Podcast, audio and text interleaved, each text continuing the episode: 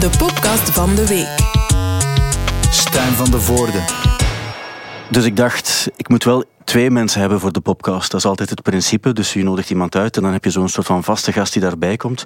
En dan kan dat uh, Lennart zijn of Otto Jan of, of Thibaut, heel veel mogelijkheden dan. Of Kirsten, um, maar die zijn dan ziek, of die hebben verbouwingen, of die zijn op reis. En toen dacht ik, ja maar wacht, het is Frank van der Linden die vandaag komt. En dan maakt het eigenlijk niet zo heel veel uit wie daar nog bij zit, want er valt eh, veel te vertellen. Je zou kunnen zeggen, er valt iets te vertellen over 30 jaar de mens. Maar eigenlijk, muzikaal gaat het natuurlijk al veel langer terug. En daarom heb ik geen extra gast nodig vandaag. En daar ben ik blij om. Dag Frank, welkom. Ik denk dat ik gevleid ben. Wat is, ik moet altijd een inleiding geven en dan vertel ik meestal iets heel praktisch, uh, ja. wat je normaal niet doet. Maar bij een, bij een, podcast kan dat dan wel. En het is ook exact hoe het is gegaan. Um, ik dacht, ik ga. Um, ik, er is niemand nodig, want ja, de mens bestaat dus al 30 jaar. Volgend jaar is dat zo. Volgend jaar, want jouw eerste plaat is uitgekomen in uh, 1992. Ja. En um, daarvoor was je natuurlijk ook al, want je was officieus, als ik me niet vergis, al een jaar of acht bezig met, met Michel de Koster. Klopt dat? Dat klopt niet helemaal. Uh, met de, mens, de muziek die we met de mens gemaakt hebben, dan waren we 29 jaar al. Ah ja, okay. En dat betekende dat wij eigenlijk ervoor al een soort uh, beroepsleven gehad hebben. Heel verschillende dingen. Ik was uh, rockjournalist bij Humo en bij Knak. Mm -hmm. En Michel de Koster was een zakenman, eigenlijk. Ja. Maar Volgens de mythe... al, we kennen elkaar al sedert ons zevende. Ja. Dus dat was nog lang ervoor. Wij zaten samen in het tweede studiejaar bij meester Jacobs in Zaventem. In Zaventem. En uh, dan hebben we elkaar... Ja, we zagen elkaar natuurlijk in de klas, maar we waren niet echt vrienden. En dan is er een periode geweest dat we elkaar niet zagen omdat hij verhuisd was. En dan hebben we elkaar op, opnieuw ontmoet op de universiteit in Brussel toen we 18 waren. En dan zijn we wel direct uh, muziek beginnen spelen met elkaar. Ja. Dus dat gaat wel ver terug. Ja.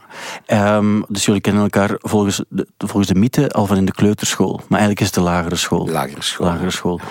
En dan, uh, ja, dan zijn jullie op een bepaald moment met de mens begonnen, maar er zat dus nog een beroepsleven voor. Ik heb ook gelezen, maar ik weet niet of het waar is, dat je ook, ook nog een tijd uh, kantoormachines verkocht hebt. Ja, dat heb ik gedaan. Wat zijn ja. kantoormachines? Wel, uh, in mijn geval waren dat specifieke kantoormachines, namelijk projectoren, retroprojectoren. We spreken nu wel over de prehistorie, ja. waar, toen mensen met, als ze presentaties deden in bedrijven, zo met slides werken, ja. doorschijnende stukjes plastic, waar dan in plaats van een PowerPoint die ze konden projecteren, kon je dat dan die slides maken en projecteren op de muur. Ja. Achter jou, vandaar retroprojector. En dat was bij de firma 3M. Mm -hmm. Die later ook uh, populair geworden is op een andere manier. Hebben, ja. ja. Uh, en ik verkocht uh, niet geheel geholpen door deskundigheid, uh, die projectoren. Uh, mocht het je interesseren, ik heb een verleden als aardrijkskunde-leerkracht. En ik heb zo nog een hele map met ongeveer eigenlijk alle kaarten die er bestaan voor op de... de... In slides. Ja, ja, ja. ja. En er waren twee mogelijkheden. Ofwel uh, had je er zo die je vast kon maken eigenlijk aan twee gaatjes. Ofwel lag die erop. En ja. dan als er iemand, als de deur te hard dichtvloog of als een raam open stond, konden die wel eens wegwaaien. Ja, ja. En ja, in de klas, zeker tijdens de les aardrijkskunde, is het meestal iets saaier dan gepland. En dan gebeurt er wel eens dat dat dan voor hilariteit zorgt, zoals ja, men ja. dan zegt. Maar um, ja, ze hebben een dienst bewezen ooit wel, voor de smartboards en zo. Ja. Oké, okay, maar dat helemaal terzijde. Mm -hmm. Ja, dan is die eerste plaat er gekomen in 1992. En ja, als je die, die, die cd bekijkt, want ik had die cd ook, en jij stond daarop, en Michel, met twee, want dat was de mens eigenlijk, jullie tweeën. Hè? -hmm. Aanvankelijk was dat uh, een studioproject, eigenlijk. Wat raar is als je terugkijkt, want door de jaren heen zijn we toch echt vooral als liveband ook bekend geraakt. Maar uh, eigenlijk hebben die plaat gemaakt uh, als een soort laatste poging. Wij speelden ervoor al muziek samen. Uh, en toen we zo 18, 19 waren, geloofden we daar ook heel erg in. En dan kwamen we de jaren van het realisme, dat we merkten dat wat we deden, dat dat aansloeg, maar in zeer beperkte kring. Uh, we zongen toen in het Engels ook. En ik denk dat dat wel de sleutel geweest is. Uh, als ik die, die tapes van toen uh, nog eens hoor, dan hoor ik ja, geen slechte muziek, maar daar zat geen spatgevoel in. En dat had zeker met de teksten te maken. En dan, uh, ja, Michel die was een tijd in, ja, dat was, die was heel snel een beetje een big shot in het bedrijfsleven. En die was naar Parijs gaan werken, dus ik had die een tijd niet meer gezien. En die kwam terug uit Parijs in 1990, denk ik. Mhm. En die sprak toen de historische woorden nadat hij gezien had wat er aan het gebeuren was in het Vlaamse muzieklandschap. Want VTM was ontploft en ineens had je tien om te zien op tv en hij was daardoor zo gechoqueerd. Zijn punkgeest uh, rebelleerde dat tegen en hij zei van nu moeten we echt iets doen om daar een soort tegenwicht tegen, te geven. En dan sprak hij de woorden, denk ik, uh, er, is, er is er heel veel shit, laten wij daar nog wat shit bovenop leggen.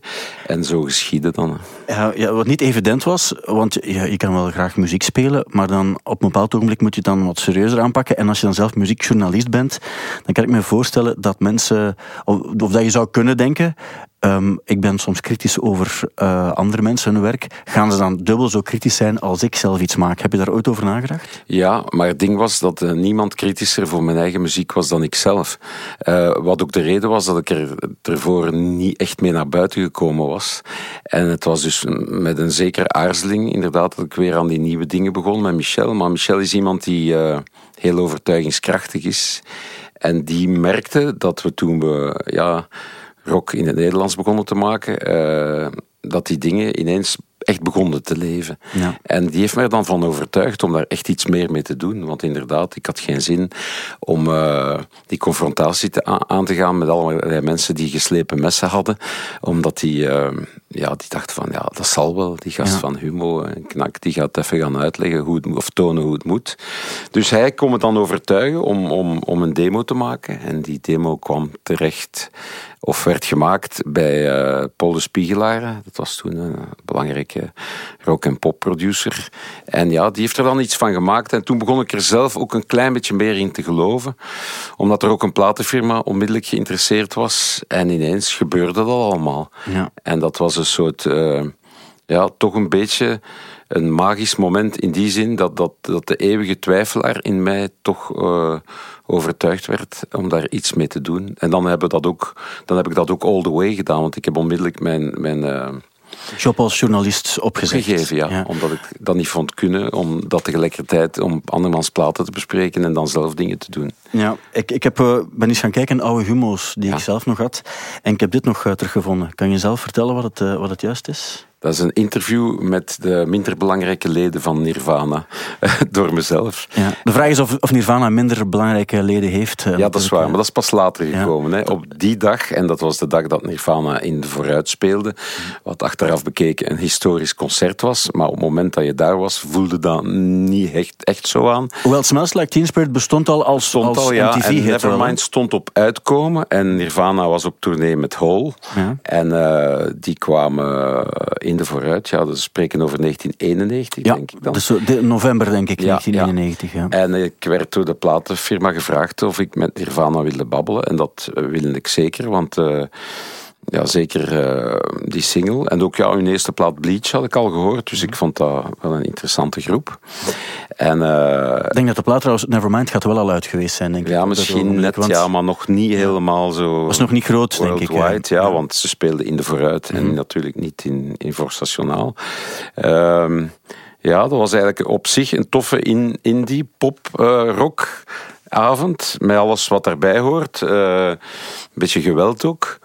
Ja, er is gevochten ook. Ja, en Kurt Cobain heeft een, een, gitaar in het publiek gegooid die dan tegen iemand zijn tanden terechtgekomen is. En dat was, uh, denk ik, toch een redelijk pijnlijke kwestie.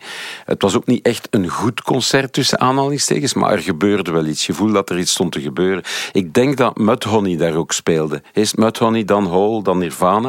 En dat was eigenlijk uh, ja, een pakket van die typische sub-popgroepen, dat label, uit uh, Seattle, denk ik, hè, die heel veel van die vroege grunge uitbrachten.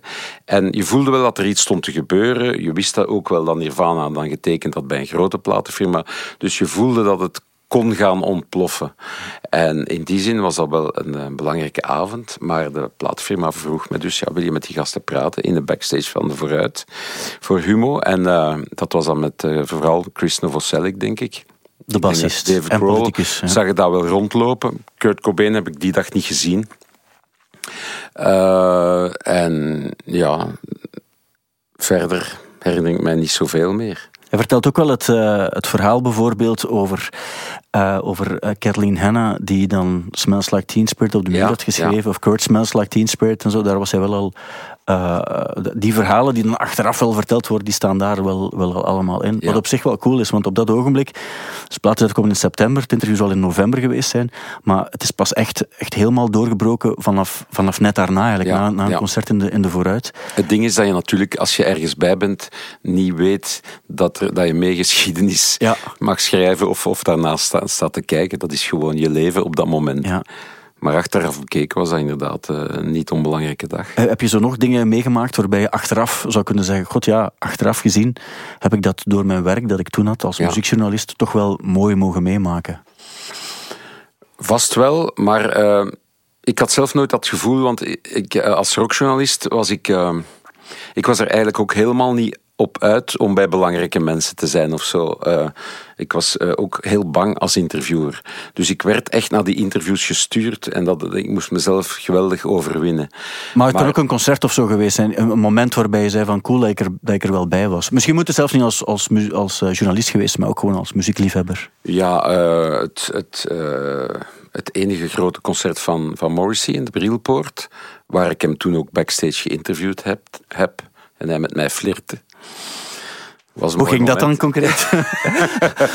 was dat met, ja, dat met... was uh, zonder vleeselijk contact. Ja, ja maar ik bedoel dan... Morrissey, ja, maar uh, ja. ja. dat was in de backstage van de Brielpoort. En uh, ja, hij was erg lief tegen mij eigenlijk. Ja, Dat was leuk. Ja. Met Shakespeare-teksten ging dat dan neem ik aan ook in zijn dat geval. Was, we, we, we praten op een redelijk hoog niveau. Ja, ja, ja het ging echt over, echt over literatuur dan.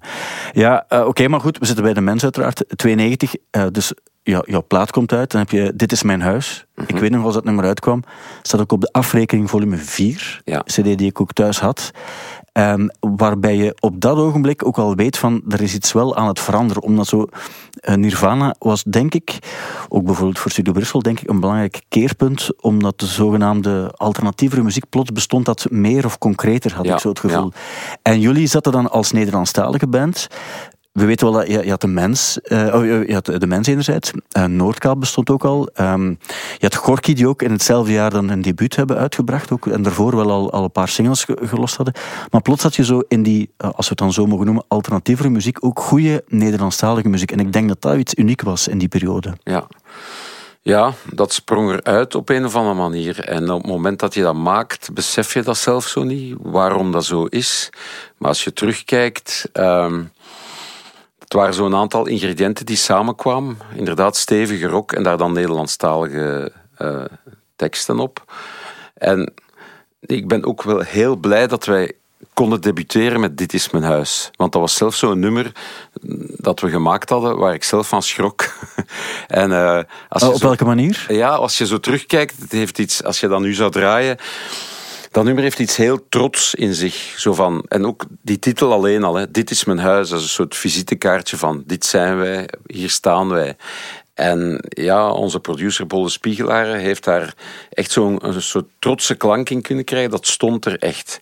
En uh, ik denk dat veel mensen daar dan echt ook van opkeken eigenlijk. En uh, ja, dat was misschien de laatste periode in de geschiedenis van de mensheid waarin rockmuziek ook in de charts stond, eigenlijk. Uh, en ja, het leek wel iets te betekenen.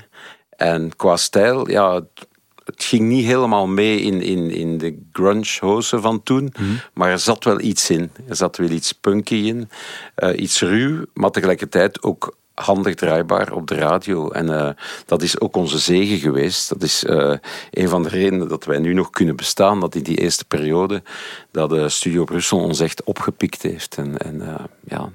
Want um, ik denk ook dat de mensheid daarvoor niet noodzakelijk heel gewoon was om goede Nederlandstalige rock te krijgen. Je had wel Truckner die bestonden wel bijvoorbeeld. Ja, wel... die waren er echt. Maar... Uh, en, de, en de Nederlanders, ja, Truckner ja. te zien. Mm.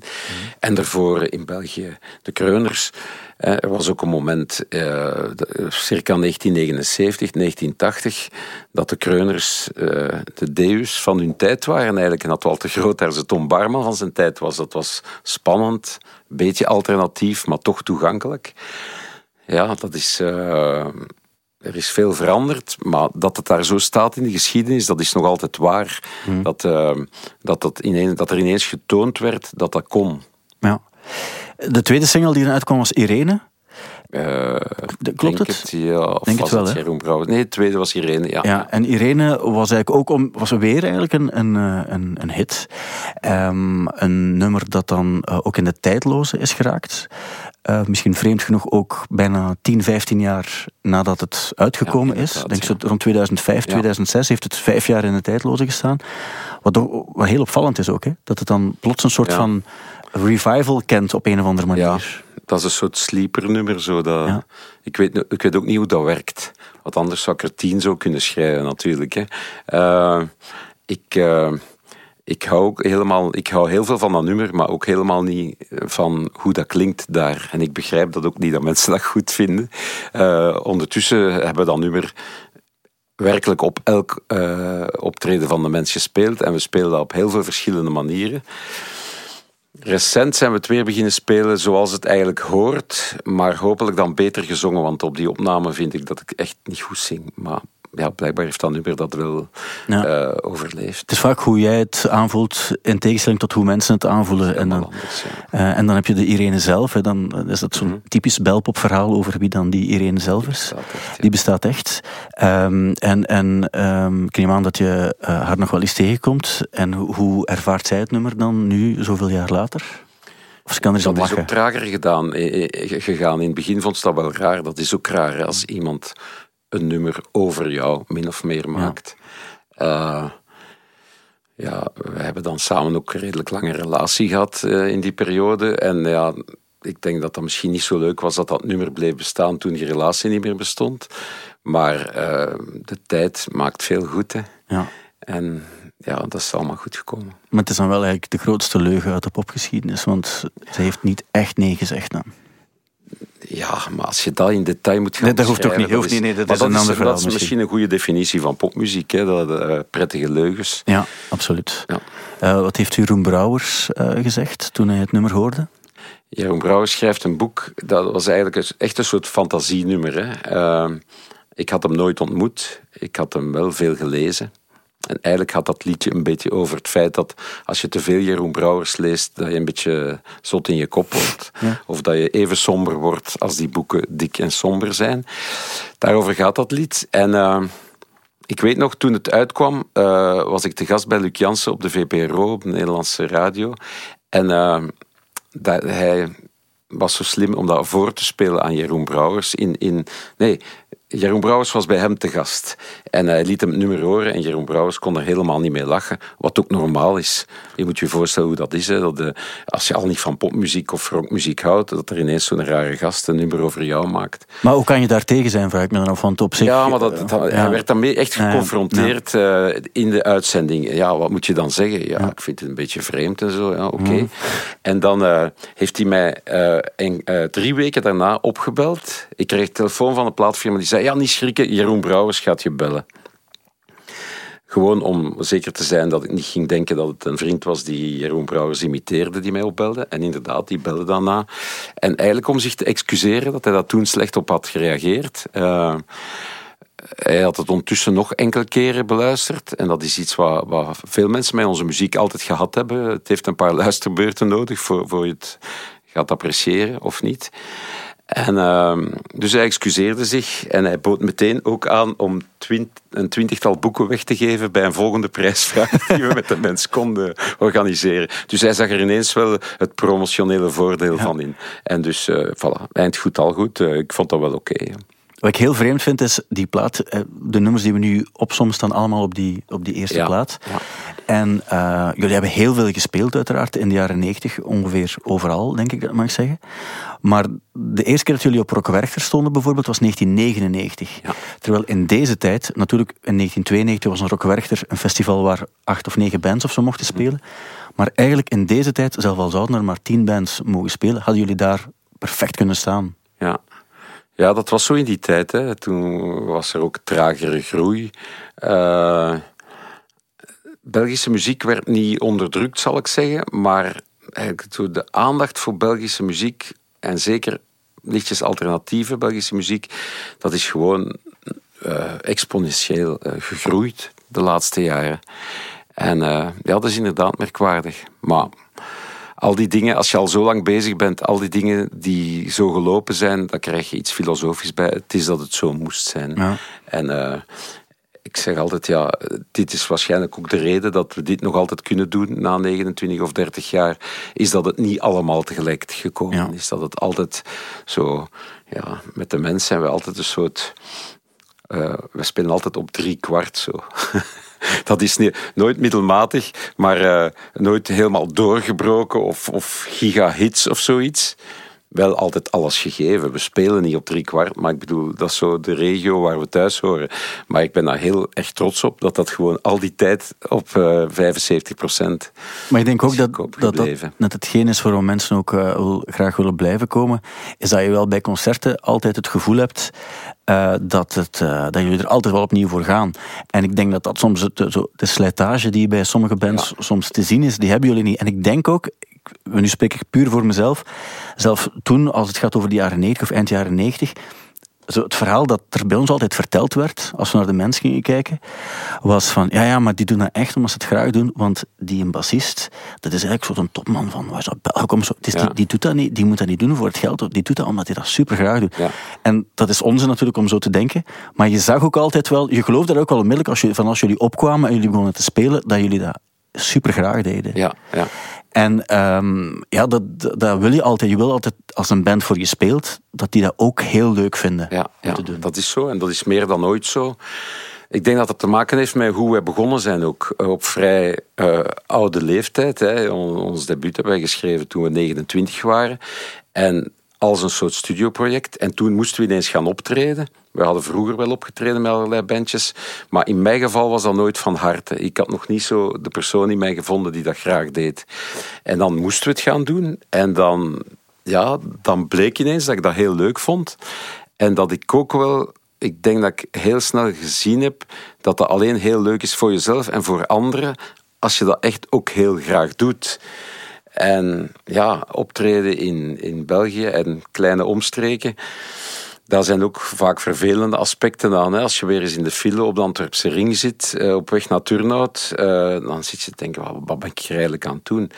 En dan was er al heel snel het besef van, kijk, als je die mindere aspecten erbij moet nemen, dan moet je echt helemaal investeren in de dingen die goed zijn. Dus dan ja, zijn we beginnen proberen om er elke avond erg te staan en dan na een paar jaar krijg je wel zo inderdaad dat gevoel, er zou metaalmoeheid kunnen zijn. Maar als je dan, als je dan beseft dat in optreden is het heel simpel, wat je erin steekt, haal je er ook uit. En, en dat wordt altijd fijner. En dan, ja, door die decennia dat wij al bestaan met de mens, is dat alleen nog maar gegroeid van, ja, dit doe je niet zomaar even. Uh, en dan, ja, kan het niet anders zeggen dan dat dat zichzelf eigenlijk voedt dat gaat altijd meer en meer. En ook als je later, uh, later op, nu dus op het podium staat, is toch altijd dat besef. Uh, zo evident is het niet. Want ik heb al gezegd, op het podium staan, dat is eigenlijk iets heel raars. Hè? Dat is een soort afspraak tussen het publiek en de gasten die op het podium staan. Want het podium is hoger dan de grond. Hè? Soms 20 centimeter, soms 3 meter hoger. En dan is er een soort afspraak tussen het publiek en de optredenden dat die even op een verhoog mogen staan. Dat die zich echt verheven mogen voelen op dat moment deel van die deal is natuurlijk dat je dan veel moet geven. Dat je dan ook iets, iets van betekenis of gewoon iets leuks of iets indringends moet bieden. En dat je dat moet blijven doen. En, uh, ja, en dat blijven wij doen. En meer dan ooit, want ja, dan zeker als je in een periode als deze terechtkomt met, met COVID, dat je ineens nog meer beseft van dit is iets dat heel normaal lijkt, van iets waar we recht op hebben, hè, optreden of naar optredens gaan kijken. En ineens kan ons dat gewoon afgepakt worden. Ja, als je het dan natuurlijk opnieuw doet, dan besef je dubbel van oké, hier moet het gebeuren, want het is iets bijzonders en we moeten dat blijven cultiveren en mhm. ons best doen. Gewoon. Ja, en dan ga je na, na 30 jaar, ga je, dan moet je dat dan vieren op een of andere manier toch? En denk, mensen vinden het ook wel leuk als je dingen uh, iets groter viert, want dat is plezant. Ja, dat is zoiets raars. De eerste keer dat we dat deden was zo tien jaar de mens. En wij vonden dat ook raar, omdat ja, of je nu negen jaar of tien jaar bestaat, dan ben je een band die al eens bezig is. En al een tijdje bezig is. Twintig jaar, dat was nog vreemder eigenlijk. Omdat uh, ja, 19 jaar bestaan, dan eigenlijk ben je al oude, oude kost. En ineens, als je dan...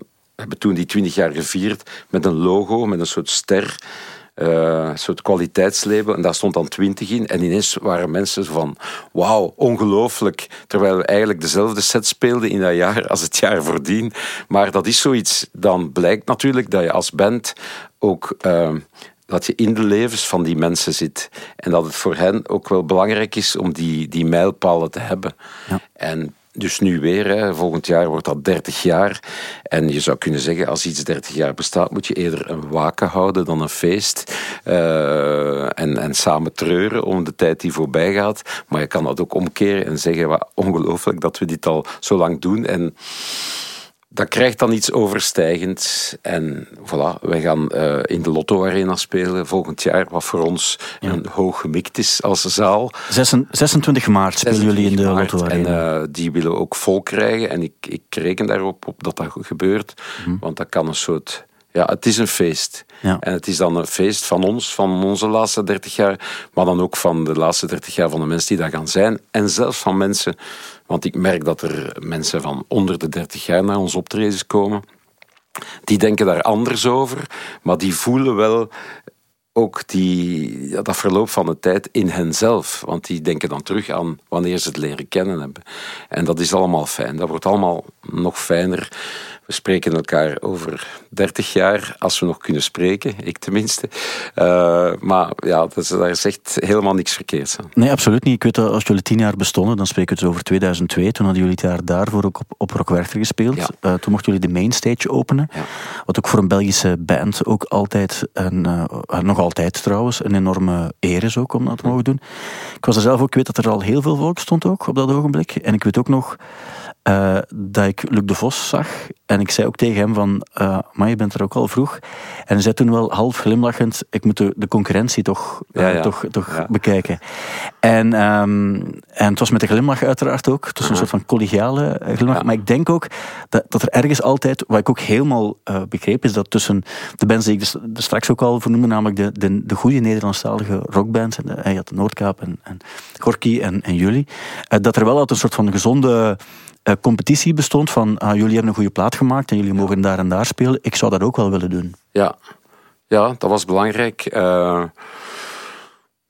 is dat ooit nijdig geweest? Ik weet niet. Zo met Noordkaap was dat soms zo wat nijdiger. Uh, maar het gaat meer over de, de, de aanhang. Nee? Ja, ja, dat je moest, moest kiezen misschien, ja. Beatles of Stones. Ja, ja. Enfin, alle verhoudingen in acht genomen.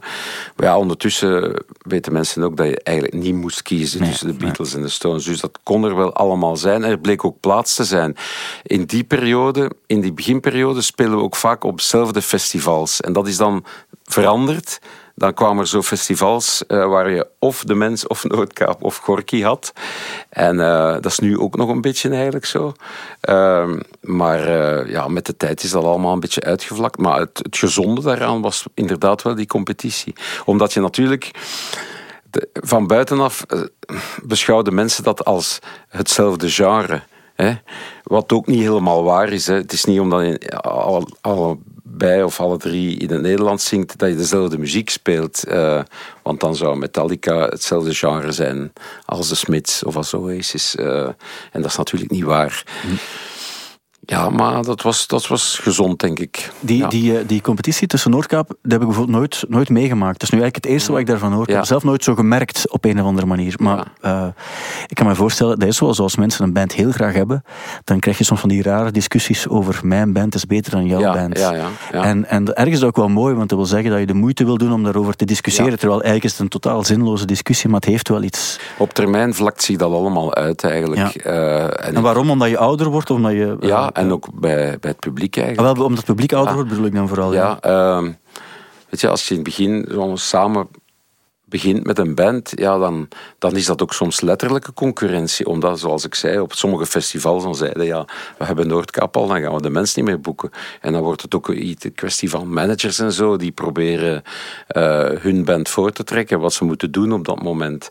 Um, en later, ja, dan blijkt dat uh, geen van die mensen uh, sterft aan die competitie.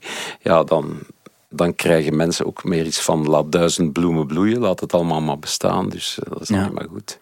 Dan is Dirk Jans er ook bijgekomen als de vaste drummer. Ja, dat was vrij snel. Dat was na vier jaar, drie jaar en een half, denk ik. Ja. ja dus die heeft ook heel veel, heel veel meegemaakt, wat jullie samen meegemaakt hebben. Maar hoe lastig is het dan om uh, in een band te spelen met Executive Vice President Enterprise bij Belgacom of de Account Manager bij Bosch Telecom. Ja, dus Michel de Koster, ja. Ja, dat is altijd raar geweest. Hè. Uh, er is geen enkele band ter wereld, uh, denk ik echt, dat kan ik zeggen, waarbij de inkomenskloof tussen de rijkste en de armste zo groot was. En dat heeft niks te maken met de inkomsten van de groep. maar dat heeft altijd wonderwel gewerkt. Misschien net daarom, omdat we zo verschillend zijn als band. Maar blijkbaar toch al gewoon snapte dat we dat, die verschillen net moesten uitbuiten en, en, en niet moeten als een probleem zien. Uh, daar zijn nooit wrijvingen over geweest. Uh, ook, ook niet agenda-technisch? Want ja, agenda-technisch altijd. Ja. Maar uh, ja, Michel is, is uh, als CEO ook zo geniaal in time management. En ja, hij heeft zich altijd wel min of meer aangepast aan de band en wij ook aan hem. Uh, dat is ook een van onze grootste verwezenlijkingen, nu ik er zo over denk. Ja, absoluut. Dat we dat waargemaakt hebben. Uh, dat ik eh, helemaal professioneel 100% met die band bezig was. En dan, ja, Michel, dus laten we zeggen voor 30%. Ja. Uh, maar ja, zijn inzet is altijd totaal geweest. Uh, laten we zeggen dat het verschil. Mensen vroegen mij daar in de beginperiode heel veel van: ja, hoe doen jullie dat toch? Uh, om, om, om dat draaiend te houden. Dan zei ik altijd, ja, wij doen alles en Michel doet niks. Namelijk Michel, die stond er op het podium en dat is alles wat we van hem vroegen. En ook als we nummers begonnen te maken, in de studio gingen, dan was hij ook al. Maar hij is echt de man, die kan dat ook uh, letterlijk vijf minuten voor een festival optreden met de Porsche uh, de parking oprijden en op het podium gaan en die doet dat gewoon en die staat daar. Ik kan dat niet. Ik, ik moet ervoor gaan, alles eens bekijken. Ik ben ook roadmanager van de mens, al die jaren geweest. Hè. We hebben nooit een roadmanager gehad en dat is zo ik kan daar alleen maar praktisch over denken. Van, en alles moet, moet juist liggen en, en er zijn dus. Ja, en we hebben daarover ook een akkoord. Ik verdien ook meer geld aan de mens dan hij. We hebben echt een soort percentdeal uitgewerkt. Uh, in mijn voordeel, omdat ik het meeste doe. Ik, ik, had, dat eens, ik had eens zo dat uitgerekend. En, uh, en dan het is voorgerekend in een maand wat ik dan deed en, en wat ik dan van de koek moest hebben. En dan daarbij gezet van ja, dat dat dan een maandloon zou zijn van zoveel voor de dingen die ik buiten de muziek voor de mens deed. En uh, dan zei Michel, ah oké, dat is goed, daar kan ik akkoord mee gaan, dat is wat mijn assistent verdient. dus wist ik meteen wat mijn positie in de groep was, maar ja, ik ben daar blij mee gebleven. Het is wel lang geleden, maar ik, ik deed toen uh, een programma op vrijdagavond en in Altijd een ander jeugdhuis. En jullie hebben er dan ook eens gespeeld. Ja, en ik denk toen dat Michel smiddags in een restaurant in Parijs had gegeten met een helikopter was overgekomen of zoiets. Kan, ja. Uh, en ik weet nog dat het eten toen, s'avonds, dat was altijd gemaakt door het, door het, het grotere jeugdhuis in kwestie zelf altijd met heel veel liefde en sympathie gemaakt. Maar toen was het echt een soort van grote pot met, ik denk, uh, spinazie, uh, dan patatten en dan spek erin ook. En door, door elkaar gedraaid. Ja. van trog. En um, ik, ja, die doen, dat, die doen dat ook met, nogmaals met heel veel sympathie en die doen dat ook echt met de beste bedoelingen. Uh, maar ik weet dat er, dat er waarschijnlijk wel een, een soort van andere... Uh, ook voor jullie, want ja, voor hem is dat dan uh, een, misschien ook een groter verschil in vergelijking met wat hij smiddags heeft gegeten. Maar ook voor jullie, ja, als je al zo lang meegaat, dan heb je wat backstages gezien. Ja. En, en veel goede wil ook, maar soms ook wel niet altijd de meest interessante plaatsen waar je moet spelen. Nee, maar dat is toch razend interessant, want dat is iets dat ik deel met Dirk Jans, onze drummer. Uh, dat wij soms ergens zo zitten in een gang, het tocht daar een beetje, en we zitten tussen flight cases en zo. En dan bekijken we elkaar en dan zeggen we: dit, was, dit is eigenlijk waar we wilden zitten toen we 15 waren. En dat was nog altijd zo toen we 25 waren, 35 en zo verder. Voor ons is dat het, de, de beste biotoop eigenlijk omdat ons dat terugbrengt naar ja, de muziek die we als, als jonge gast graag hoorde. Zo, ik zie dan beelden van foto's van The Clash, die echt zo ook tussen flightcases zaten, allemaal zo gestenceld met van die van die rock and roll letters zo. Dat was wat we wilden zijn. En bij Michel is dat zeker anders geweest, maar die lost dat dan ook op door later binnen te komen, zodanig dat hij niet tussen de flight cases moest zitten. En op het podium te staan met een attitude die heel erg leek op flight case zitten eigenlijk. Want dat is, uh, niemand is meer rock and roll dan Michel de Koster uh, op het podium. Dus die heeft dat altijd goed kunnen splitsen. En uh, ja, dat is deel van het geheim, denk ik. Ja, ik, ik kan me ook voorstellen op al die jaren uh, dat er altijd wel mensen vragen dat ook wel. Hè. Wat is zo het, het, het, het verhaal of het bandverhaal? Ja. En dan gaat het waarschijnlijk over dingen die ofwel heel goed gegaan zijn, ofwel uh, heel slecht gegaan zijn, omdat er ja, soms stort er al eens iets in, of soms regent het harder dan gepland mm -hmm. of zo. Mm -hmm. Wat is zo bij jullie de, de klassieker in de band? Als mensen daarom om, om, om, een typische bandverhaal ja, het, het, grote verhaal is eigenlijk het grote verhaal. We hebben dat gemerkt. Uh, vorig jaar heeft Canvas een, uh, een belpop-aflevering, documentaire over ons gedraaid. En ik, ik, wilde dat, ik zag dat eigenlijk helemaal niet in hoe dat ze dat gingen doen. Want ze hadden toen in de voorbije jaren pakweg over de Scaps een heel mooie belpop-aflevering gedraaid dat was tussen aanhalingstekens gemakkelijk. Want de Scaps, een band met uh, veel goede muziek, maar ook veel drama. Uh, gevallen, verslavingen.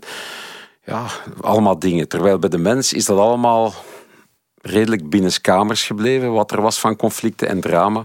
We zijn ook vergeten te splitten. Uh, ja, dus we konden nooit een comeback maken van het split, geen reunie doen. Dus wat, ik zag, wat commercieel zag, een goede zet is om ik, zoiets te doen ook. Ja, ja. Ik, ik, zag, ja, ik zag helemaal niet het verhaal. En dan die mensen van Belpop, die zeiden, ja, maar het verhaal is nu net dat jullie op dit moment in de tijd nog steeds bestaan. En dat is waar. Ja. Na tien jaar is dat niks opmerkelijks.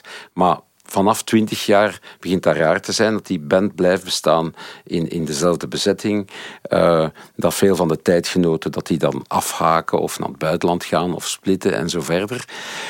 Ja, dan wordt het altijd specialer. Dus elke dag dat wij met de mens blijven bestaan, dat maakt het bijzonderder en bijna moeilijker te begrijpen dat zo uiteenlopende mensen met uiteenlopende levens, dat die dat kunnen blijven doen. Mm. En dat die dat willen blijven doen. Ja. Uh, dus dat is het verhaal. En voor de rest, ja, er zijn altijd van die Spinal Tap verhalen. Van, ja, mensen die door het podium vallen. Uh, dat is er ook allemaal wel. Maar het echte verhaal, dat kan je eigenlijk niet uitleggen, want dat is iets heel intiems. Dat is tussen ons als de manier waarop wij tegen elkaar praten. Uh, die vrij heftig is, heel confronterend, met heel veel uitlachen. Eigenlijk is de basis van de mensen elkaar constant uitlachen. En vooral de frontman uitlachen. Want ik heb dat gezien bij andere bands. Uh, ik denk dan soms dat die dikwijls te ten onder zijn gegaan aan te weinig uitlachen van de frontman. Dat de frontman echt zo naar voren wordt gehaald. Natuurlijk naar buiten toe is dat zo dan wordt hij gezien als het boegbeeld. Hè. Mijn lachende bijnaam bij de mensen is ook het boegbeeld. Dus in mails is dat komt het boegbeeld dan ook. Ja, oké, dat zegt al genoeg over hoe ze mij zien. En uh, ja, op het moment zelf is dat niet altijd prettig, want af en toe wil je toch een beetje een ster in je eigen band voelen en toch een soort respect. Maar op termijn heeft ons dat goed gedaan qua kwaliteitscontrole. En, en ja, het is niet omdat ik de meeste nummers van de mens schrijf en alle teksten en daar vooraan sta en het ook overal moet gaan verkopen, dat ik daarvoor respect krijg. En dat is heel goed. Ja. Dat is, uh, er zijn natuurlijk nog, nog voorbeelden van bands die het al heel lang samen uithouden. Hè, maar dan heb je zo de U2 sinds uh, 78 mm -hmm. en, en Radiohead sinds 86. Ja. Je hebt er zo'n aantal. Maar um, ja, bij jullie is het wel zo dat jullie, uh, door het feit dat jullie in het Nederlands zingen, wat ergens ook jullie zegen is geweest, en daarom ook heel veel ja. sympathie en respect hebben gekregen, dat je daardoor wel beperkter zit. En ja. ik kan niet zeggen, we gaan onze volgende tour in Puerto Rico en dan gaan we daarna via... Uh, dus je komt dan daardoor ook wel eens makkelijker op dezelfde plaatsen misschien. Ja, en dat heeft gemaakt dat je, ja, je moet het dan anders bekijken. Hè. Je kan niet even wegblijven. En dan kan je zeggen, ja, hoe doe je dat? Dan altijd blijven optreden. In die 29 jaar hebben wij, denk gemiddeld 40 keer per jaar opgetreden. Dus dan zitten we nu rond de duizend zeker. Uh, hoe krijg je dat altijd maar verkocht? Ja, kwaliteitsbewaking hoop ik dan. En dat, dat vind ik al een beetje pretentieus om dat zo te denken. Maar ja, het zo goed mogelijk doen. Ja. Uh, in de muziek ook blijven variëren. Uh, ik, de, waar ik trots op ben, is dat wij toch nog altijd geen pure nostalgieband zijn. Wij spelen wel onze oude nummers altijd en we doen dat met veel plezier. Maar we voegen ook altijd nieuwe nummers toe. Uh, maar zelfs daarin hebben, hebben we het toch redelijk beperkt gehouden, want er bestaat geen enkel plaat van de mens met symfonisch orkest of met een strijkerskwartet. Of een Nooit gevraagd voor Night of the Proms? Eigenlijk niet, nee. En uh, misschien moet ik daar blij mee zijn. Dat zegt wel iets. Ja, want dat wil ik er net ook nog vragen, want het ging over tien om te zien. Dat is eigenlijk een soort ja. van, van, uh, van laat ons iets anders doen dan wat we daar zien. Ja, het is ook in daar. Maar daar hebben we wel in gezeten. Ja, hoe was dat, hoe was dat dan? Ja, en de, terugkijkend is dat ook een beetje raar, omdat er heel weinig archiefbeelden van ons uit die periode, omdat ons echte leven, leven speelde zich in 92 tot 2000 af in de jeugdhuizen en festivals van Vlaanderen. En toen waren er ook geen telefoons om filmpjes te maken. Dus dat bestaat eigenlijk niks van, van die honderden optredens die we gedaan hebben. En als we nu zo archiefmateriaal zoeken uit die periode, dan zijn dat rare optredens op uh, eh, 10 om te zien of op de Super 50. Dat was toen ook ja. uh, op VTM een programma. En waar we playbacken. En je ziet ook dat we dat eigenlijk wel graag doen, maar niet goed. maar playbacken, dat was gewoon zo leuk, omdat dat eigenlijk hetzelfde was wat je wilde doen toen je 13 jaar was en met een tennisraket voor de spiegel stond. Dus en er kan niets fout gaan. Er kan niks fout gaan, behalve dat, dat je lippen uh, niet, niet, zo goed gelijk bewogen met de muziek. Maar op zich was dat niet erg. Dat was eigenlijk, eigenlijk was dat heel rock and roll. Ja. Omdat wij ook wisten dat we tegelijkertijd wel de dag daarna uh, op uh, Zeverok in Zevergem, wat een ja. fantastisch festival zonder zever is, ja. uh, stonden. En daar echt die muziek met onze handen konden maken voor, voor de mensen. Dus dat is altijd in balans gebleven bij ons. Dat lijkt mij ook wel een, inderdaad een balans die altijd wel bestond. Hè? Want je, je kon in uh, 2001 kon je de mainstage van Werchter openen, maar je kon dan ook in hetzelfde jaar ook afsluiten. Ja. En je kon dan ook daarna, bij wijze van spreken, bij een of ander tv-optreden ook, ook gaan playbacken. We hebben en... altijd een beetje van verschillende walletjes kunnen eten. Als je het heel praktisch bekijkt. Ook door dan Nederlands. Uh, we hebben in de loop der jaren ook op kleinkunstfestivals gestaan. Alleen dat kon allemaal, maar ja, we waren toch tegelijkertijd ook een alternatieve rockband, als je dat zo uh, wil noemen. En ik beschouw ons nog altijd als zoiets. Ja, dat is gewoon fijn geweest dat we. Het is waar wat je zegt, uh, de Australische en Japanse tours zijn altijd wat minder verlopen. Ja. Uh, en, maar hier in Vlaanderen, ik moet zelfs niet België zeggen, is dat altijd noodgedwongen klein gebleven. En dan ga je ja, in, in details meer variatie. Ja. Want ik bedoel het eigenlijk uh, naar, voor jullie zelf, hè, dat je het op die manier ook, ook weet van we gaan spelen, we zullen vast ook wel een aantal dezelfde plaatsen uh, ja. bij zijn. En dat je dan ook met je drie uh, altijd, of met je vier nu uiteraard, dat je dan het gevoel moet hebben we zien dat ook helemaal zitten. Om ja. het, om het, en iedereen het blijft zien zitten, dat is dan wat je, ja, je leert dat omdat uh, uiteindelijk uh, vernieuwt het publiek zich voor een deel. En het oude publiek blijft soms komen. Die blijven soms een tijdje weg en dan komen die terug. En zelfs ook, mensen zeggen dat dan, ja, je hebt nu toch wel in elk dorp van Vlaanderen gespeeld. Wel, niet dus, hè. Zelfs nu, met de theatertour die nu loopt, uh, staan wij in cultureel centra, waar we eigenlijk nog niet van gehoord hebben. Dus dat is dat is natuurlijk ook de zegen van, van het, het Vlaamse concertcircuit. dat zegt elke Amerikaan die hier komt. Uh, wat wij hebben, dat bestaat bijna nergens. Zowel in de cultuurzalen als, als uh, in de festivals en zo, die het soms wat moeilijk hebben, maar er komen dan toch ook nieuwe bij. En dat is iets waar wij ten volle gebruik van gemaakt hebben in al die jaren. Ik denk wel, als het gaat over de, de meer erkende, grotere festivals in ons land, dat je daar wel bijna altijd wel gespeeld hebt. En dan heb ik over de Lokersfeesten, ja. Kramrokken en dergelijke. Ja. En die heb je ook wel zien evolueren. Ja. Hoe, hoe, dat is misschien een heel, uh, kan, of kan een heel uitgebreide vraag met een heel uitgebreid antwoord zijn, maar hoe heb je dan die festivals zien evolueren? En dan heb ik het meer over zo de, de Lokersfeestenachtige festivals. Wat ik op zich heel, heel fijne festivals zijn altijd. Heel fijne festivals, ja. Wat eigenlijk in het algemeen in de muziek gewoon uh, diversifiering eigenlijk. Hè. Dat een rockfestival is eigenlijk nooit nog een rockfestival. Hè. Dat uh, ook popdingen of, en allemaal verschillende en, en dance dingen ook. Dat is allemaal veel versnipperder, maar allemaal veel opener. Uh, toen ik jong was en met muziek bezig was, wij waren geweldig sectair, bijna fascistisch zo. Je ging toen, ik weet nog, als je toen naar een optreden ging in, laten we zeggen, 1978, 79 in Ancien Belgique. En dan was er een voorprogramma. Dan werd het voorprogramma uh, van ambtswegen uitgejouwd tot publiek. Dat, moest, dat werd niet aanvaard. En daarna heb ik dat zien evolueren, dat mensen veel opener tegenover muziek staan. En, en, en benieuwd waren misschien zelf ook om iets te leren en kennen. dat dan appreciëren, dan iets dat ze goed of niet goed vonden, maar van, dat is toch een, beetje een toevoeging. Maar in die periode zo jaren, ja, nog vroege jaren tachtig, was het allemaal heel gescheiden. En zelfs in de jaren negentig nog. Want ik weet nog, je moest toen uh, ja, toen werd ook nog vaak het woord commercieel gebruikt voor muziek, als, als het ultieme scheldwoord. Ja, ik vind dat vrij commercieel, dat staat me niet aan. Uh, ja, goed, dat zegt niemand nu nog.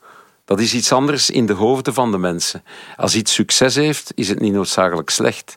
En uh, ik vind dat allemaal veel gezonder. Maar toen was dat wel, je kon daar ook wel gebruik van maken. Eh, door uh, in een bepaald segment echt door te gaan. En ja, in ons geval was dat in die eerste jaren, was dat, wij waren een Studio Brussel groep en werden ook als dusdanig ervaren. Later is dat allemaal veel meer opgetrokken. Eigenlijk gezonder, maar het was misschien een beetje spannender toen. Zo. Ja. Dat was raar. Maar er waren ook minder genres waar je helemaal kon intekenen. Enfin, genres waar je weet van had. Je kon toen een rockliefhebber zijn en een beetje reggae kennen en een beetje dansmuziek. Maar dat was het dan. Ondertussen is dat allemaal zo gefragmenteerd en, en zo gespecialiseerd dat je eigenlijk helemaal kan opgaan in iets en, en de rest van de wereld verdwijnt. En de festivals zijn in die mate veranderd dat je perfect een festivalticket kan kopen en ook maar voor één genre gaan en dan all the way. Dat je naar Pukkelpop gaat en dat je gewoon gaat parkeren in de boiler room. Ja, dat is helemaal oké. En dus alles is, is veel opener. Zo. Oh, jullie zijn eigenlijk in die tijd nog begonnen dat mensen zeiden: um, ik, ik hou niet van uh, commerciële muziek, geef mij maar Nirvana en zo. Terwijl die band op één stond en commercieel gezien de beste, beste partij was voor een platenfirma om bij te tekenen. Maar die, in mijn hoofd is dat toch altijd een soort van start geweest. Dat er toen ook een soort van meer duidelijkheid bestond over, uh, over die bands die, die ook wel mochten. Dat ook een, een, band als Sonic Youth die in de jaren tachtig zo wat, wat, deed en wel een, een aanhang had die, klein, die vrij klein was. Mhm. Maar dankzij zo de doorbraak van die, die vuilere muziek, zo gezegd, plots ook een groter publiek uh, kreeg. En um, dat, dat met de gitaar op een podium staan en, en iets doen dat niet, niet, de, niet de Guns N' Roses was, ook werd geapprecieerd. Ja, precies, ja. Um, dat, dat, dat, vind ik daarom misschien ook een heel interessante tijd. Uh, um, ja, in principe uh, zijn we er ongeveer. Maar de, het moeilijke aan de, de podcast is eigenlijk ook, normaal hebben we het over de actualiteit van de week die gepasseerd is in combinatie met wat er is. Maar ik ga dat zo laten. Het enige wat ik wel nog wil weten is, ik, ik zag een, uh, een lijst met jouw favoriete nummers. En dat waren eigenlijk allemaal klassiekers grotendeels die daarin stonden. Ja. Ging van Bruce Springsteen tot, uh, uh, tot The Clash. En, en, welke lijst was dat? Het was een, een lijst die ooit gemaakt, ik denk voor uh, mijn vrienden radiozender, dat, je, dat je hem gemaakt had. Het kan zijn, ja. Er zat ook een, een heel opvallend nummer van de jeugd van tegenwoordig in bijvoorbeeld. Ja. Iets met broertje. Ja. Zo, ja.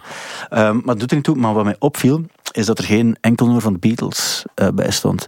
Dus ik dacht, de enige vraag die ik wil stellen is, als je vandaag luistert, en het is vandaag vrijdag 15 oktober, dan uh, is Let It Be uh, opnieuw beschikbaar voor de ja. 25ste keer. Ja. Um, dan vroeg ik me af, zou je, interesseert jou dan ook die, die Peter Jackson documentaire en zo erbij komt? Ja, ja zeker. Om, ben je een Beatles fan op ben zich? Ik ben een Beatles fan. Okay, ik weet ook alles van de Beatles. Is het echt waar? Ja, en dat die plaat nu uit, heruitkomt... Er staan een paar eh, alternatieve takes op, hè, uh, van, van Don't Let Me Down bijvoorbeeld. Die ja. echt werkelijk fantastisch is. Waar John Lennon een, een deel van de woorden vergeet. En, maar toch is dat zo rock and roll en zo mooi gespeeld. Ja, dat is, uh, dat is een aanrader. Ja, en ga je ook kijken naar de, de Peter Jackson um, reeks? Het zijn, het zijn drie afleveringen van telkens ja. twee uur. Eigenlijk is het gewoon van Lord of the Rings over de, de laatste... zeker kijken, omdat ja, gezegd wordt dat je daar de Beatles echt, echt in levende lijven ziet. Hè. Alles van beeldmateriaal dat er over de Beatles van vroeger is, is ofwel zo in van hun vroege popdagen, dat ze gewoon wat smoelen zouden trekken voor de camera en wel met heel veel humor. Want dat zie je ook dan ineens besef je ook hoeveel humor in, in, in hoe de Beatles naar buiten kwamen. En eigenlijk brutaliteit ook. Ze waren ook stout tegen journalisten en altijd eigenlijk Uh, John Lennon vooral, maar eigenlijk Paul McCartney ook, hè, die dan later zo'n soort vriendelijke een onkel geworden is. Maar dat was toch een beetje edgy zo. Uh, een beetje punk. Uh, van die typische Liverpoolse humor, eigenlijk, wat ook uitlachen is. Ja, maar meer met een glimlach, terwijl ik denk dat John Lennon het eerder deed met een soort van sneer. Ja, dat was een ernstig gezicht. wel een bitterheid in zich, ja. En, uh, maar blijkbaar in die documentaire zie je een dansen in de studio. Ja. die hebben zich enorm geamuseerd op zeer korte tijd. Hè. Ja. Want dat is natuurlijk het fantastische aan Beatles. Op negen jaar tijd hebben die alles gedaan wat ze moesten doen. En dat was heel intens, elke dag. En natuurlijk, hun genialiteit wordt onderstreept het feit dat ze elke dag ook wel geniaal konden zijn. Ja, en het cliché ook van het waren eh, John en Paul die dan ruzie hadden en elkaar niets meer met elkaar te maken wilden hebben. Er zal iets van aan geweest zijn, maar daarna hebben ze elkaar wel weer tegengekomen en waren ze wel weer vrienden. En dat zal blijkbaar ook allemaal te zien zijn. Hoewel Paul McCartney heeft nu recent, of gisteren of zo nog maar gezegd, dat hij toch nog even vooral duidelijkheid wil laten weten dat het vooral op basis was van eh, de gedragingen van John dat de Beatles gesplit zijn. En dat hij eigenlijk toch meer, want hij staat ook wel een beetje bekend als de boekhouder van de band hier. Wat eigenlijk ook goed is, ook dat je iemand had, je had wel iemand nodig die de band ook wel wilde, wilde samenhouden en daar ook echt zijn best voor deed. En ik denk dat hij op dat gebied misschien niet altijd de credits krijgt uh, die hij verdient. Dat is een typische figuur. Uh, ik ben die in de mensen. Ja, ja. Maar, die, maar die heb je ook nodig. Dat is zo. Ik, ik praat daar ook soms over met vrienden die in band spelen. Dat is, er zijn altijd een aantal karakters. En in feite, om het, als je dat dan van op afstand beschouwt, om een band levendig te houden, moet je gasten hebben die eigenlijk constant die band willen opblazen. En dan ook gasten die het samenhouden. En ja, bij de Beatles was dat zeker zo. En ja, het is niet toevallig dat Paul McCartney toch nog de behoefte voelt om dat even te zeggen. Uh, maar misschien is het wel ver, de Stones zie je dat heel goed. Hè? Mick Jagger, uh, die krijgt eigenlijk altijd een beetje het slechte verhaal. Keith Richards is moeiteloos de coolste van de band. Maar je kan ook zeggen, uh, als Mick Jagger niet had bestaan, dan, was, uh, dan waren de Rolling Stones een bluesbandje geweest dat gewoon drie jaar bestaan had. En dan was Keith Richards al lang dood. Hè? En niet schijndood. Mm. ja, je moet zo mensen hebben om het bij elkaar te houden. En die moeten ook niet altijd helemaal samenvallen met dat clichébeeld. Paul McCartney bijvoorbeeld was uh, eigenlijk de meest avant-gardistische van de Beatles. Die ging naar tentoonstellingen, uh, die luisterde naar ingewikkelde muziek, terwijl John Lennon eigenlijk een vrij simpele rocker bleef, tot hij Yoko Ono tegenkwam, die dan ook in die kunstwereld zat. En ja, je hebt zo die clichébeelden van die mensen. Wat dan blijft, is, is, het, is het clichébeeld, maar dat kan je kwaad om daar af en toe eens van nuance in te brengen. Dat is, uh, de, allee, de Beatles zijn rijk genoeg als persoonlijkheden en als muzikanten om daar eigenlijk eindeloos over kunnen te debatteren. Ja. En dat is ook exact wat er nog steeds gebeurt. Ook, uh, wat ook wel een kunst is om na al die jaren uh, dat nog te doen, uiteraard. Trouwens, over de Rolling Stones gesproken, dat is ook zoiets van deze week. Brown Sugar gaan ze niet meer spelen. Omdat ze beseffen dat het nummer qua tijdsgeest achterhaald is. En er zitten een aantal elementen die niet alleen verwijzen, en vroeg dacht maar alleen tussen heroïne, waar naar ja. verwezen wordt, maar ook, ook raciaal is er iets ja. dat niet helemaal klopt ook. En ze van, we gaan de controverse gewoon ook laten voor wat ze is en we gaan het gewoon even niet meer spelen. Ja. Um, ik wilde eigenlijk aan jou vragen, maar ik denk dat ik het antwoord sowieso zelf ook al weet. Zijn er bepaalde teksten waarbij je denkt van dat is nu een beetje achterhaald voor deze tijd, maar ik zou het niet weten eigenlijk? Ja, in de eerste jaren waren we soms wel iets te seksueel. Ah, zo, ja, ja, ja. een beetje... Seks verandert alles. Dat valt ja, nog mee. Ja, maar dat is dan nog een beetje beschouwend eigenlijk. Maar dan... Uh, maar ik, ja, ik ontken niet alles uh, nee. wat daarin stond, maar dat blijkbaar was dat nodig. Ja. Om die manier naar buiten te krijgen. Ja, je schreef ook veel nummers gewoon ook om een album vol te krijgen. Hè. En soms waren zo die vullertjes wel de interessante dingen. Uh, maar ik prefereer daar niet te veel over na te denken. Nee, wel, ik, um, we zijn er ongeveer, maar ik wil toch nog ik wil toch nog gewoon het hele even hebben over een aantal nummers die je ooit gemaakt hebt. En gewoon om, ja, om, ze even te laten horen ook. En er iets over te zeggen. Dit is het eerste. Het is het nummer uh, Sheryl Crow, I Need You So. Ja. Toen het uitkwam, ik was eigenlijk ook een grote fan van uh, Sheryl ja. Crow. Om de, ik denk dat het de Globe Sessions waren die toen uitkwamen. De, de break-up plaat met, uh, met Eric Clapton werd ja. er toen gezegd. Hoewel zij altijd gezegd heeft van het gaat niet, niet alleen daarover. Um, ik vroeg me altijd af, bij dit nummer, was het echt een soort oprechte tribute voor haar? Of was het meer zo'n soort... ik was wel fan van haar als, als muzikant en als vrouw ook. Ja. Um, en ja, maar ja, zo'n nummer begint bij een ideetje, hè. En dat was dat zinnetje Sheryl Crow, I need you so, omdat dan Dat rijmt, ja. En letterlijk, uh, dat is geschreven op een ochtend dat ik van de Gentse feesten terugkwam en uh, het even niet meer zag zitten. En ook de vraag waarom zich stelde, wat sta ik hier eigenlijk te doen? En dan kon ik dat samenvoegen met dat idee van dat je verlangt naar iemand die je eigenlijk niet kent. Ja. En dan schrijf je dat nummer en dan... Uh, ik heb haar later ook ontmoet.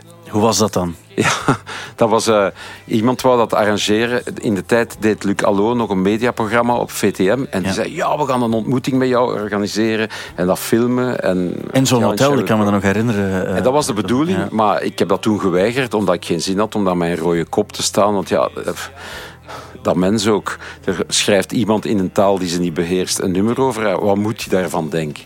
En dan direct nadat ik dat gerefuseerd had, was er een vriend van mij die bij een plaatfirma werkte. Die zei, ja, het zou toch tof zijn om, en dat was dan met Chris Dussochoa samen, ik denk zelfs dat hij voor Studio Brussel toch iets over gemaakt heeft, om dan zonder camera's erop die rustig te ontmoeten. En dat is ook in de backstage van de Vooruit van Gent gebeurd. En dat was heel leuk. En uh, een heel mooie vrouw, heel kleine eigenlijk. Je denkt dat hij heel groot is. En dan heeft zij mij een van de mooiste complimenten uh, gegeven die ik ooit uh, heb mogen ontvangen. Ze had naar, dat nummer geluisterd. Men had dat ook voor haar vertaald. Maar ze begonnen voor mijn ogen ineens muzikaal te analyseren. Zo van, oh, dat nummer ste steekt een beetje raar in elkaar. Dat is voortdurende akkoordwisselingen die eigenlijk niet kunnen. En ze zei, ja, dan ga je naar daar en dan ineens moduleer je naar... Uh, toonaard E. En ja, ze had er dus echt naar geluisterd. En dat was eigenlijk het mooiste wat iemand kon zeggen tegen me. Dus ik kan me voorstellen, er is zo een, op een of ander YouTube-kanaal um, laten ze soms heel klassiek geschoolde mensen die echt uh, klassieke werken maken, zelf schrijven, ook soms voor het eerst bijvoorbeeld iets uit, uh, iets uit Kit E horen of zo. Ja, ja. Om dan te vragen hoe zit het nummer in elkaar. En die bekijkt er dan heel technisch.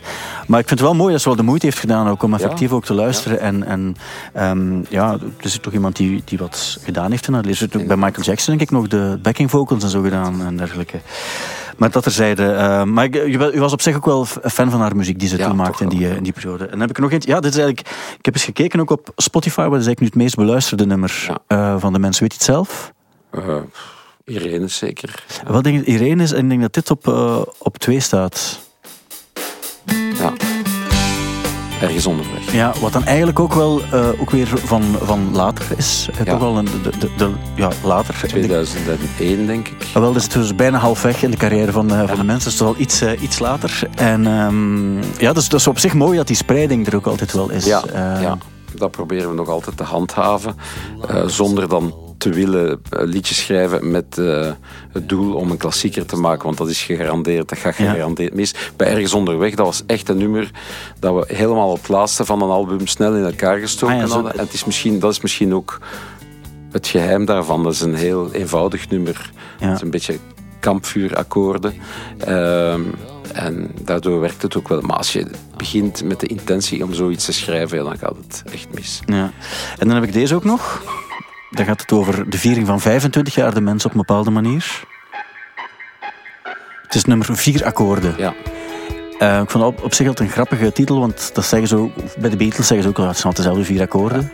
Um, dit is dan van een plaat die jullie op, vijf, op 24 uur uh, ongeveer hebben opgenomen, op een dagtijd hebben opgenomen. Dat was een, een, uh, een projectje. Dat was een idee, omdat je natuurlijk door de jaren heen altijd naar dingen zoekt om het een beetje fris te houden. En toen, ik had ineens een visioen wat ik anders nooit heb. Als we nu eens gewoon letterlijk 24 uur, dus niet een dag, maar een etmaal in de studio gaan en een plaat maken en die ook mixen.